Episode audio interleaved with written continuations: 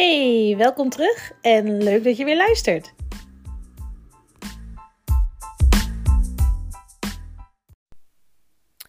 Ik wil vandaag een inzicht met je delen. Het is een inzicht dat ik kreeg toen ik gisteren aan een feesttafel zat. Een meisje die ik ken heeft beleidenis gedaan. En bij ons in de Molukse cultuur is het dan zo, uh, vaak zo, niet altijd, maar dan is het vaak zo dat er daarna een feestmaaltijd is voor de familie, een familietafel. En ik zat daar aan die tafel. Ik was die dag gevraagd om foto's te maken. En tijdens het eten uh, ja, ging ik ook even zitten om te eten. En al het eten kwam zo langs. Het was een super lekkere maaltijd. En je kent dat misschien wel. Uh, lekker een warme maaltijd en een familietafel. Je zit dus met z'n allen aan tafel. Ik denk dat er zo'n 100 man aan tafel zat. En er komen dan dampend hete schalen voorbij met gele rijst en uh, witte rijst en vleesgerechten, groentegerechten. Nou, die kwamen allemaal voorbij. En eigenlijk is dat iets wat helemaal niet vreemd is. Het is iets wat bij ons in de cultuur heel normaal is, maar ook iets wat voor mij niet vreemd is. Omdat ik samen met Danis hiervoor een cateringbedrijf heb gehad. En wij hebben twaalf jaar lang, hebben wij zelf dit soort grote um, feesten en partijen gedaan. Van minimaal 150 gasten. Dat, dan is, dat was een beetje de, het minimum aantal waarvoor wij gingen koken. En wij hebben dus ook heel vaak voor beleidenissen gekookt. Door het hele land. En dan zitten dus 130 mensen zitten er aan tafel. Of 100 mensen zitten er aan tafel te wachten. Totdat alle gerechten voorbij komen. En echt zo, zo lekker met elkaar nou ja, gegeten kan worden. En genoten kan worden. En ik zat daar en ik weet nog dat ik eh, naar mijn man keek en we zaten lekker te eten. En wij dachten allebei van, wow, eigenlijk is het echt bizar dat wij dit zo lang hebben gedaan. En uh, je, je, zit daar dan ook aan tafel met een heel, hele andere blik op zo'n, op zo'n maaltijd. Omdat je gewoon weet hoeveel werk daaraan vooraf gaat. Voordat dat zo ter tafel verschijnt. En je weet ook nou ja, hoeveel jaren aan ervaring er is er nodig is voordat je uh, dit zo vlekkeloos doet lijken. Hè? Want het, is, het ziet eruit, zeker als je nog nooit zo'n uh, zo'n maaltijd hebt meegemaakt uh, en je bent daar te gast en je zit daar en er komen zo twintig gerechten voorbij of twaalf gerechten voorbij. Alles warm, alles tegelijk. Dat is bijna een militaire operatie. En geloof me, dat gaat ook heel vaak niet vlekkeloos. Dus het is altijd een beetje een stresspunt. En ik weet nog dat wij um, ja, dat wij dat ook zelf met regelmaat deden. Regelmatig gingen cateren voor beleidenissen, bruiloften, doopfeesten. En dan is het altijd in the heat of the moment. Zit je met z'n allen in de keuken en is het echt een, een, een militaire operatie gewoon. Je bent helemaal op elkaar ingespeeld en je zorgt dat dat allemaal, hè, dat al het eten lekker is, dat het vers is, dat het warm is en dat het allemaal op tijd uh, op tafel komt. Want eten is heel belangrijk in onze cultuur en alles staat of valt met de maaltijd. Dus als het een geweldig feest was, maar het maaltijd, de maaltijd was niet goed, dan was het een prutfeest. En dus je, je snapt wel dat als cateraar dat daar gewoon heel veel van afhangt. En er is een hele hoge verantwoordelijkheidsgevoel heb je ook om zo'n feest, zo'n belangrijke dag dan um, tot een goed einde te brengen en ook een, ja, een hele mooie maaltijd te kunnen aanbieden. Niet alleen omdat het je klant is op dat moment, maar zeker ook omdat je gewoon weet wat voor een waarde dat heeft uh, in de cultuur bij ons. Maar goed, ik zat daar dus en ik uh, zat dus lekker te eten en nou ja, een beetje te mijmeren, te bedenken van jeetje mina. Ook dat ik echt wel dacht, zo ben blij dat ik niet meer in de keuken sta. Oh ja, nou ja, en ook dat ik echt dacht van jeetje, dat, dat we dat allemaal gedaan hadden. Ook wel een soort van bewondering, hè, van jemig, twaalf jaar lang hebben wij dat gewoon gedaan. En toen toen kwamen er ook mensen op ons af en die vroegen van, goh, doen jullie dat nog? En ik kon dus zeggen van, nee, dat doen wij niet meer. Ook niet een beetje, ook niet nog bestellingen. Nee, helemaal niet meer. Hebben we helemaal achter ons gelaten. En uh, ik uh, ben nu bezig als fotograaf. En uh, nou, dat is ook mijn taak vandaag. Dus ik zei, ik heb beloofd aan, aan de tante dat ik voor haar dochter dit zou vastleggen. En dat doe ik met heel veel plezier. En ik ben blij dat ik niet in de keuken sta, want ik weet hoeveel werk dat is. En mega veel bewondering voor. Maar ik, ik kon me dus ook wel even weer indenken. Um, die spanning, hè? de spanning die je dan hebt voor zo'n dag. Want ook al deed ik dat twaalf jaar, zeker in de horeca is dat een soort regel. Je bent zo goed als je laatste maaltijd. Nou, dat is in de Molukse keuken helemaal zo. Je kan wel 13 jaar een catering runnen, maar als jij het dertiende jaar een vreselijk slechte maaltijd ter tafel brengt, dan gaat je naam gewoon te grabbel. Dus we waren altijd heel erg secuur, eh, topspanning en heel erg bewust van het feit dat je zo goed bent als je laatste maaltijd. Dus dat je het altijd kwaliteit wil leveren. En dat is ook altijd goed gegaan. En mensen vroegen zich wel eens af van, goh, uh, wanneer, wanneer dacht je, goh, dat, dat is iets wat ik aandurf om te doen? Want het kan ook best wel zijn dat je zegt van, wauw, daar zit zo'n verantwoording aan, dat durf ik niet. En je kan eigenlijk die lijn ook wel doortrekken met het ondernemerschap aan zich. Gewoon sowieso. Weet je, dat is een vraag die, die we toen met de catering heel vaak kregen. Omdat we natuurlijk hè, heel veel mensen om ons heen hadden die dan keken naar die maaltijd en dachten: Nou, dat vind ik wel leuk om eens een keer te doen voor 10 mensen, maar voor 150, nou, dat zie ik mijzelf niet doen. Jeetje, wat, uh, hè, dat, jullie dat, uh, dat jullie dat nu doen. En wanneer dacht je nou, goh, dit ga ik doen? Of dit ga ik overnemen van oma, wat we toen, wat we toen deden.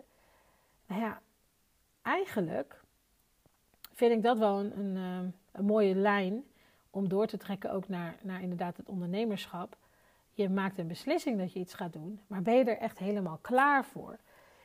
Als ik kijk naar de, mijn vorige business, dat wij dus een cateringbedrijf hadden, dan is dat iets natuurlijk waar ik in opgegroeid ben. Mijn oma deed dit al toen ik nog uh, in de luiersbewijzen zat. En ik kan me dus ook nog heel goed herinneren uh, dat ik bij haar sliep en dat ik wakker werd met de geur van spekhoek.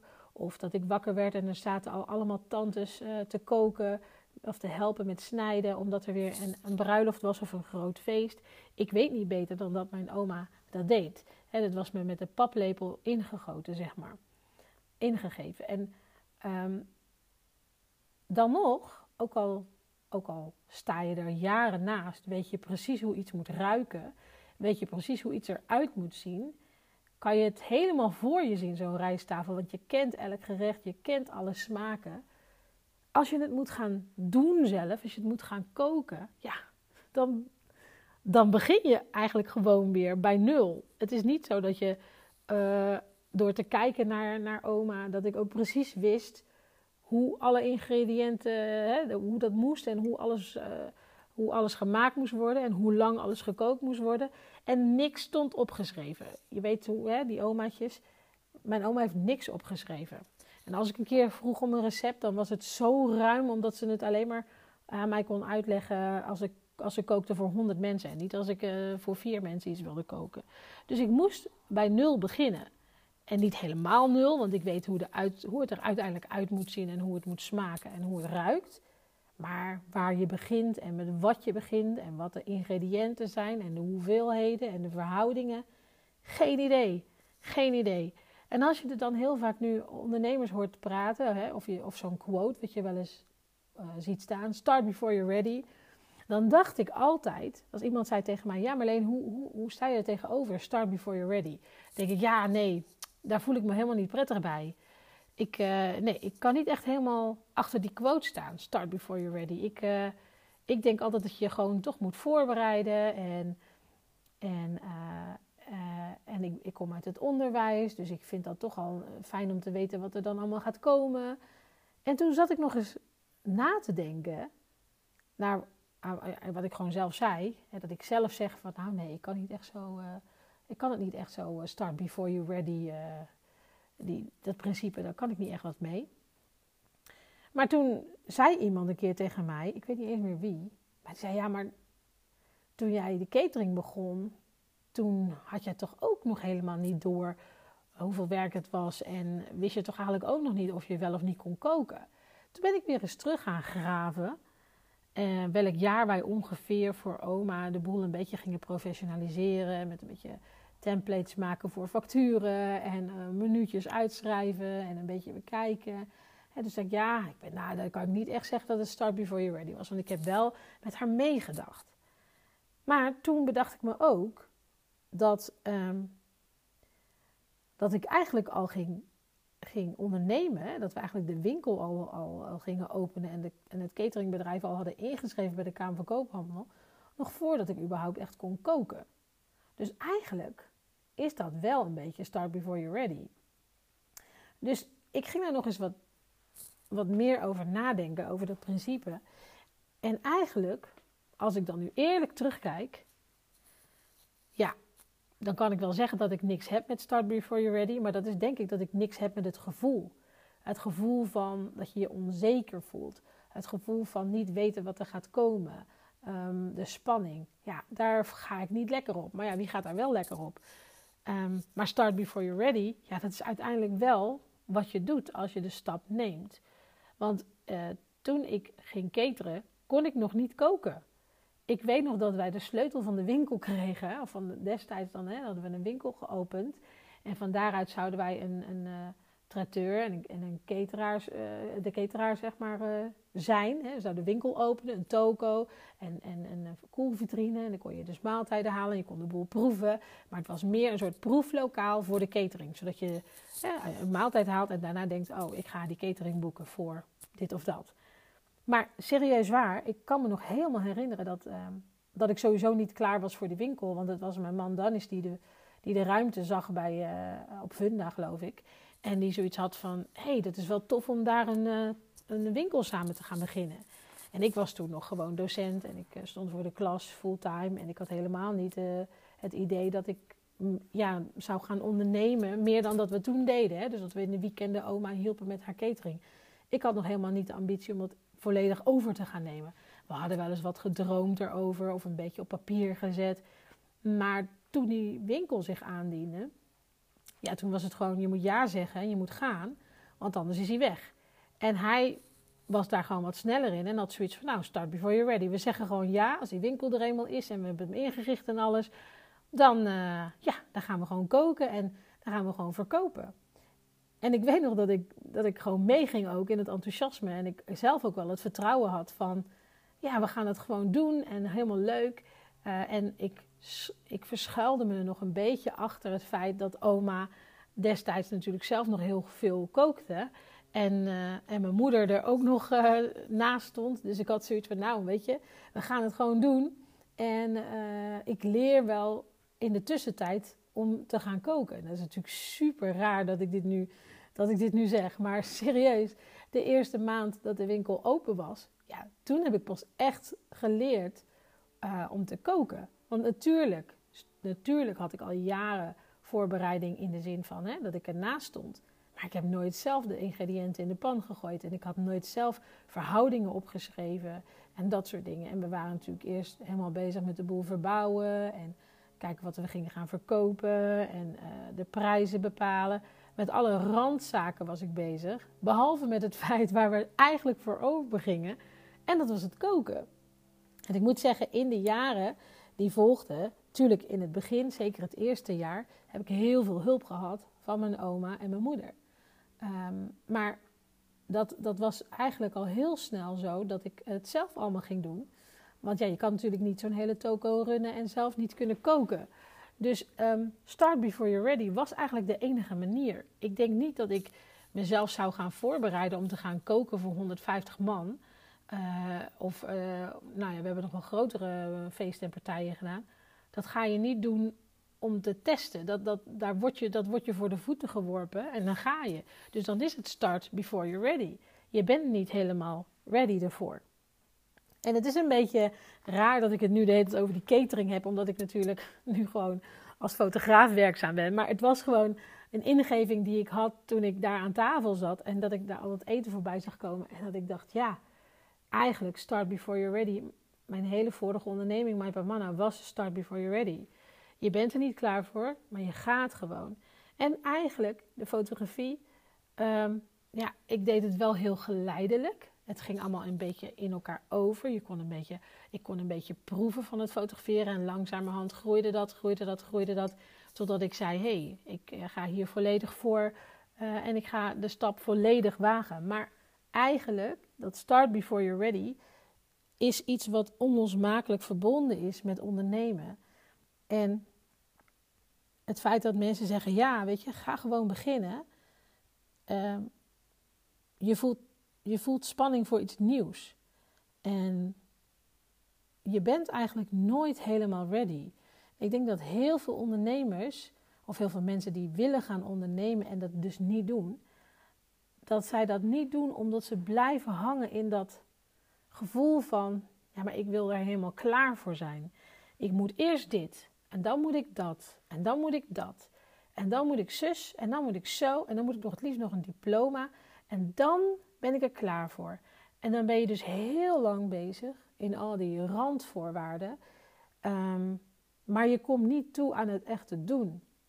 En je kan natuurlijk heel veel dromen hebben en je kan alles helemaal uitschrijven, in een moodboard maken. Je kan alles helemaal ehm, visualiseren en helemaal voor je zien. Maar je gaat het pas manifesteren als je het gaat doen. En ik denk dat ehm, de meeste dromen daar sterven. Die sterven in het niet durven te gaan doen. En dat is zo jammer. Want ik denk nu wel eens, en nu zeggen mensen, vind je het wel jammer? Vind je het niet jammer dat die catering er niet meer is? En denk ik, nee, ik mis het ook echt niet. En wat, wat ik me nu alleen maar besef is dat ik alles kan maken wat oma kookte. En dat vind ik al waanzinnig, weet je wel. Ik, ik, ik, uh, ik hoef echt niet meer een cateringbedrijf. En, maar het heeft me zoveel geleerd, ook in voor mijn huidige onderneming. En ik ben zo dankbaar dat ik door al die jaren uh, grote opdrachten, kleine opdrachten, continu koken. Dat ik gewoon inderdaad, dat het een tweede natuur is geworden. En dat ik echt kan zeggen dat ik al die lekkere gerechten van mijn oma gewoon kan maken. En als ik nu, uh, ja, zoals laatst was ze jarig en ik denk dan aan, oh dat vindt ze lekker en dat vindt ze lekker, dan kan ik het zo maken. Ik hoef er niks, ik heb ook, ja, ik heb wat dat betreft, heb ik niks geleerd daarvan dat ik in die zin uh, het nu misschien wel allemaal opschrijf. Helaas helaas voor mijn dochter. Ik moet daar nog steeds eh, werk van maken om het dan wel op te gaan schrijven. Maar ik snap nu ook mijn oma. Je kookt gewoon op gevoel vanuit je hart. En ja, een lijstje met ingrediënten is leuk. Maar hoeveelheden en alles, weet je, dat gaat gewoon op, op, op je tong. Dat gaat op de geur, op de smaak. Dus ik heb ook niks opgeschreven.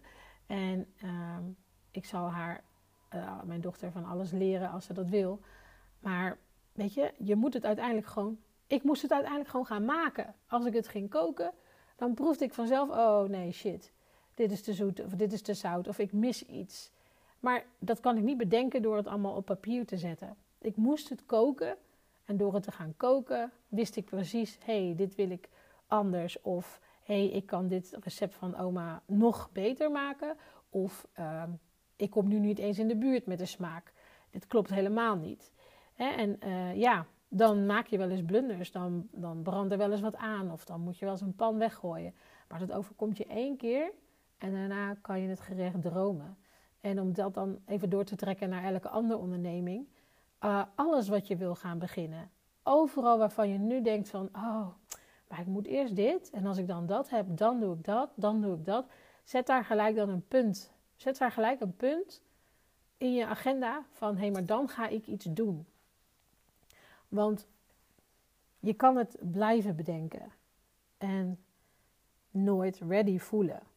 En wees, wees er maar gewoon oké mee. Met het feit dat je je nooit helemaal, helemaal compleet klaar voelt voor iets.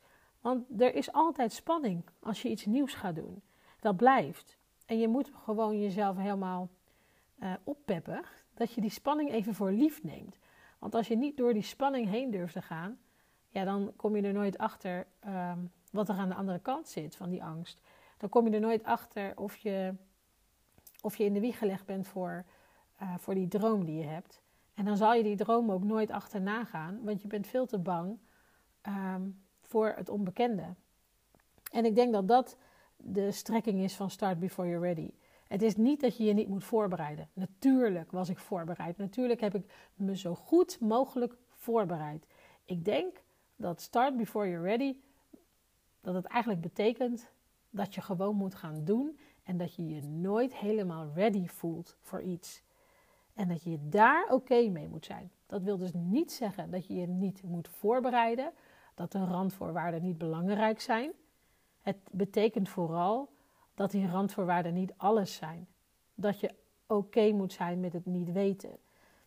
En dat je brein altijd zal zeggen: Oh shit, je bent hier niet klaar voor. Dat ben je ook niet. Dat is precies de reden waarom je het gaat doen. En als je het gaat doen, dan kom je er pas achter wat er anders kan, wat er beter kan. Of dat het misschien al lang in je zat en het al helemaal, helemaal van jou is. Dat je het al helemaal kan ownen. Dus voor iedereen die nu denkt: Oh, ik wil al zo lang dit. Of ik wil al zo lang iets voor mezelf. Of ik weet eigenlijk al heel goed wat ik wil. Ik heb het eigenlijk al helemaal op papier staan. Maar ik weet niet wat de eerstvolgende stap is. Ga daar met iemand over praten. Die, ehm, die met jou ook uh, op één lijn zit. Die weet van jouw dromen. En desnoods vraag je van, goh, wat, wat, hè, als je dit allemaal zo hoort, wat denk je? Wat voel jij? En zorg wel dat dat iemand is die ehm, positief gesteld is. Dus dat het iemand is die ook groot droomt. Die misschien ook echt met jou uh, gelijkgezind is. Of misschien juist met iemand die al doet wat jij wil gaan doen. dus stel dat jij wil gaan fotograferen, praat met een fotograaf die dat al jaren doet. Vertel wat je wilt. Diegene zal heel duidelijk aan jou kunnen uitleggen wat de volgende stap zou kunnen zijn. Of die zou zijn eigen pad kunnen vertellen. En dan zou je van daaruit kunnen zien: hé, hey, maar dan is het misschien voor mij slim om dit of dat te gaan doen. En ga dan niet te lang nadenken over alle randvoorwaarden, maar ga gewoon één ding in ieder geval doen.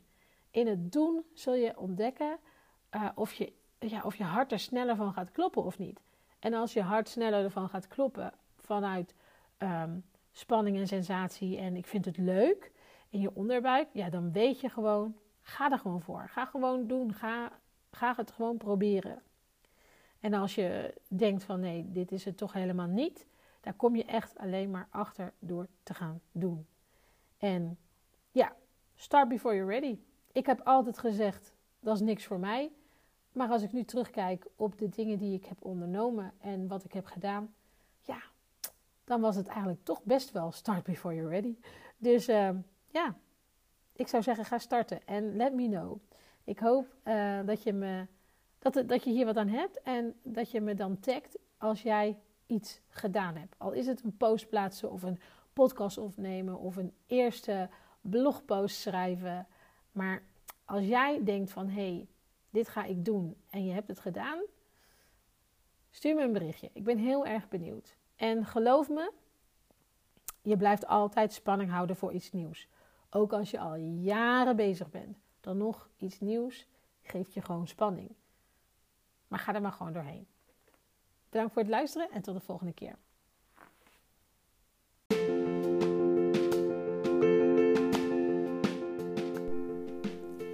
Je luisterde naar Marleen Zaitapi. Ik ben ondernemer, onderwijzer en fotograaf. Het leven is een bumpy ride en in deze podcast neem ik je mee op mijn route.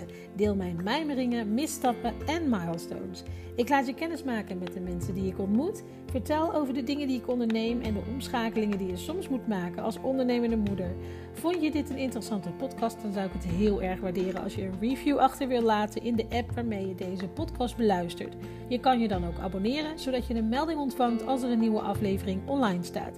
Wil je naast het luisteren ook meer van mij zien? Volg me dan op Instagram, marleensaitapi.nl. En als je een screenshot maakt terwijl je deze podcast beluistert, deel hem dan in je stories en vergeet me niet te taggen. Dan kan ik je story delen. Super bedankt voor het luisteren en tot de volgende aflevering.